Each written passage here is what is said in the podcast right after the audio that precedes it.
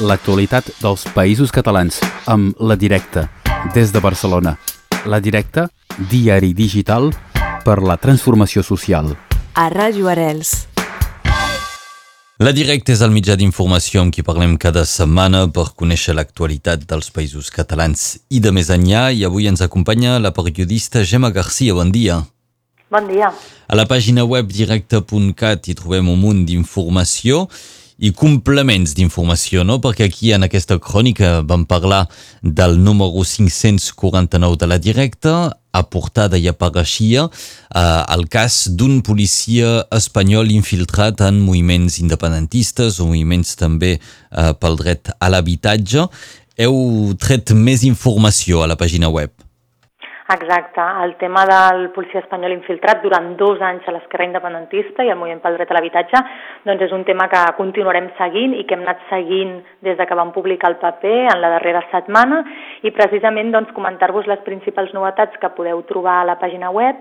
Una és que realment la Universitat de Barcelona va confirmar a finals de la setmana passada la directa que l'infiltrat amb identitat falsa, Marc Hernández Pont, va arribar a fer aquest examen d'accés i es va matricular aportant el DNI com a Marc Hernández Pont, per tant amb una identitat falsa, i va fer aquesta prova per majors de 25 anys per accedir a la universitat. No? Això ens ho ha confirmat eh, la Universitat de Barcelona i així consta en el llistat d'accés a aquesta universitat on apareix el seu nom, amb un número identificatiu universitari i amb un correu assignat com a Marc Hernández Pont, eh, ub.cat, no? en, nom de la, en nom de la universitat.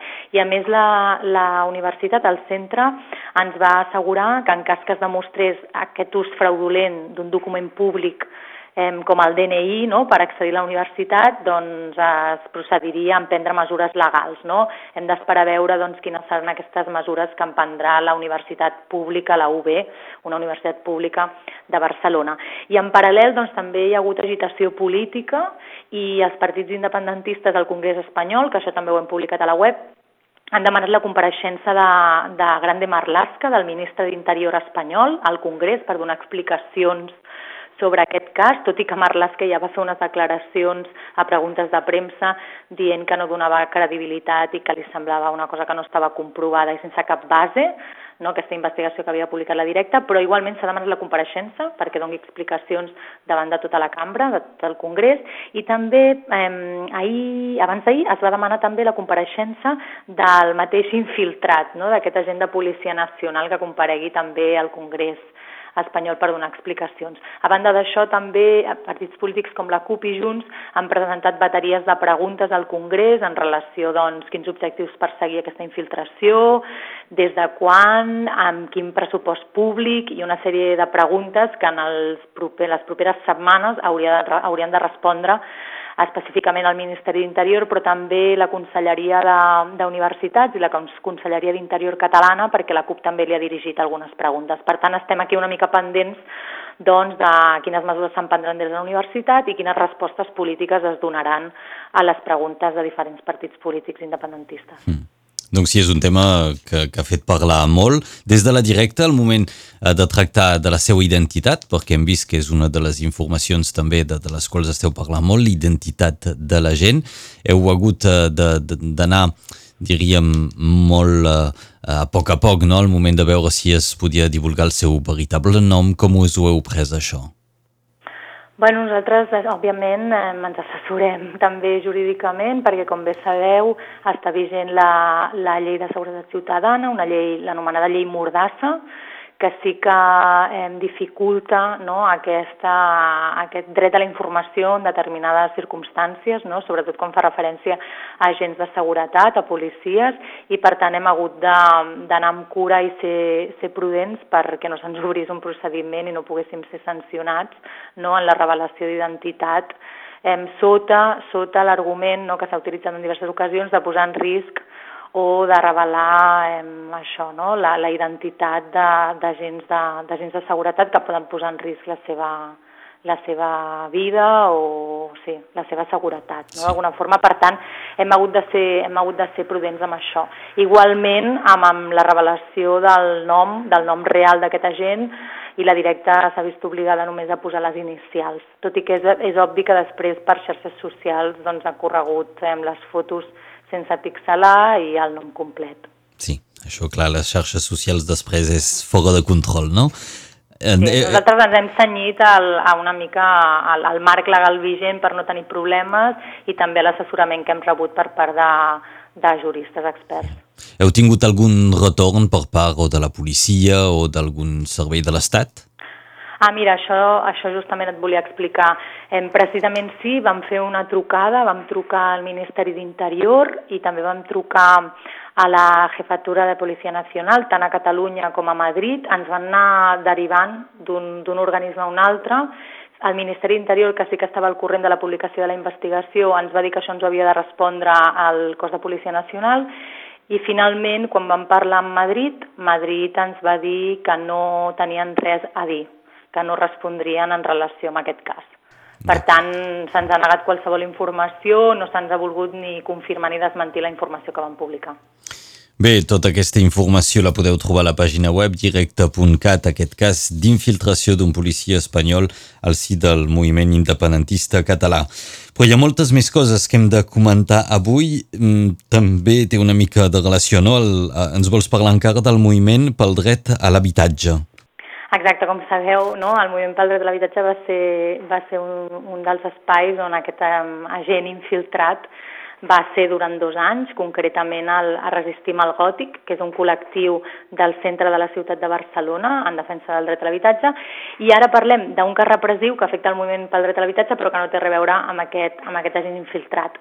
És un, un cas repressiu que fa referència a un desnonament a l'edifici conegut com a Bloc Llavors, que és un edifici al Poble Sec, al barri del Poble Sec de Barcelona, que es va convertir en un símbol de lluita pel dret a l'habitatge perquè es va ocupar, es va ocupar el 2017 i per tant van ser molts anys on van haver aquests pisos on s'hi va reallotjar mm, persones en situació de vulnerabilitat.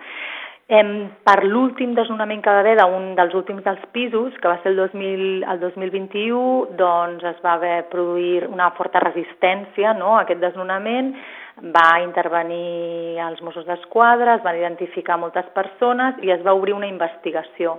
Aquesta investigació és contra 22 persones que estan acusades de delictes com desordres, danys, atemptat, resistència, desobediència i algunes també per lesions per tant, és una causa àmplia, amb, amb, no? amb acusacions greus i que afecta 22 persones i justament aquest dilluns passat 12 d'aquestes persones estaven citades a declarar davant del jutge. Aquestes persones no es van presentar a declarar i per tant el que preveiem és que en els propers dies el jutge decreti una ordre de cerca i captura.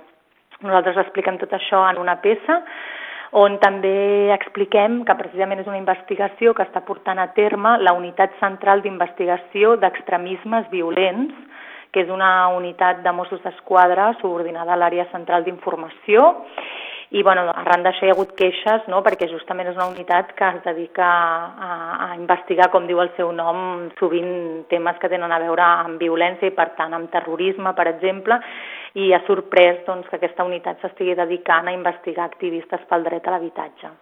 Llavors haurem de veure doncs, com, com segueix una mica aquesta causa, en què acaba, si realment es dicta aquesta ordre de cerca de captura, tenint en compte que ja fa uns mesos, a principis d'any, es van detenir quatre persones que també estan encausades per aquest desnonament del bloc Llavors, senzillament l'endemà van, les, van, les van portar davant del jutge i les van deixar en llibertat sense cap mesura, eh, cautelar ni de cap tipus. Per tant, no, és una, una cosa repressiva que va tenint diferents episodis i diferents punts i veurem sí. com, com continua. I els podrem seguir aquí a través de la directa. Ara canviarem totalment de tema, és més, de, més aviat de medi ambient que parlarem. Sí, passem a, a medi ambient, ara que també s'apropa l'estiu i que moltes persones doncs, segurament ja ho han fet i ho faran, s'aproparan a les platges que, que, no, que, que poblen aquest litoral dels països catalans. I precisament per aquesta època cada any Ecologistes en Acció publica un informe, un informe que, que assenyala les banderes negres, anomenades banderes negres, que, són, que assenyalen les platges que estan en pitjor estat, en un pitjor estat de salut a la costa dels països catalans i Ecologistes en Acció doncs, analitza una mica com impacten els vessaments d'aigües residuals, l'urbanisme depredador, diferents projectes d'ampliació d'infraestructures, com ara mateix l'aeroport del Prat a, aquí a Barcelona, l'encoratge inadequat d'embarcacions, la celebració de festes privades, diferents, no? diferents esdeveniments, diferents factors que estan, que estan accelerant la degradació del litoral dels països catalans. Llavors, bueno, fan aquest llistat de banderes negres. Malauradament, doncs, de Catalunya Nord mm, no l'inclouen perquè només podem trobar els territoris de països catalans sota administració espanyola i, per tant, trobem quines són les platges de Catalunya, País Valencià i Illes, que estan assenyalades com platges platges en mal estat de salut i, per exemple, doncs, trobem una platja de Vinaròs, al País Valencià, on un fons d'inversió del Banc de Santander pretén alçar 23 habitatges a primera línia de platja, per exemple, aquesta està amb una bandera claríssimament negra, o també com la contaminació pel mal funcionament de depuradores d'aigües residuals afecten tres platges que també tenen bandera negra, també el País Valencià, que són la Cala Lanuza, Baeza i la platja de Pinedo. No? Aquí podreu trobar en aquest informe doncs, aquestes platges on si hi ha neu comprovareu doncs, com està afectant doncs, des d'urbanisme fins a contaminació, fins a altres esdeveniments que, que les trepitgen. Potser directament no hi anirem, no? En Exacte, platges. potser no hi anirem. El que passa que, clar, al final hi ha tantes banderes negres que és difícil sí. no? trobar algun lloc al litoral que estigui en bon estat de salut. Sí, sí. Clar, també això, la massificació turística no ajuda. En tot cas, podeu trobar aquest llistat a la pàgina web de la Directa, directa.cat, per més informació. Tot aquest contingut ens l'explicava avui la Gemma Garcia. Moltes gràcies. Gràcies a vosaltres. L'actualitat dels països catalans amb La Directa, des de Barcelona. La Directa, diari digital per la transformació social. A Ràdio Arels.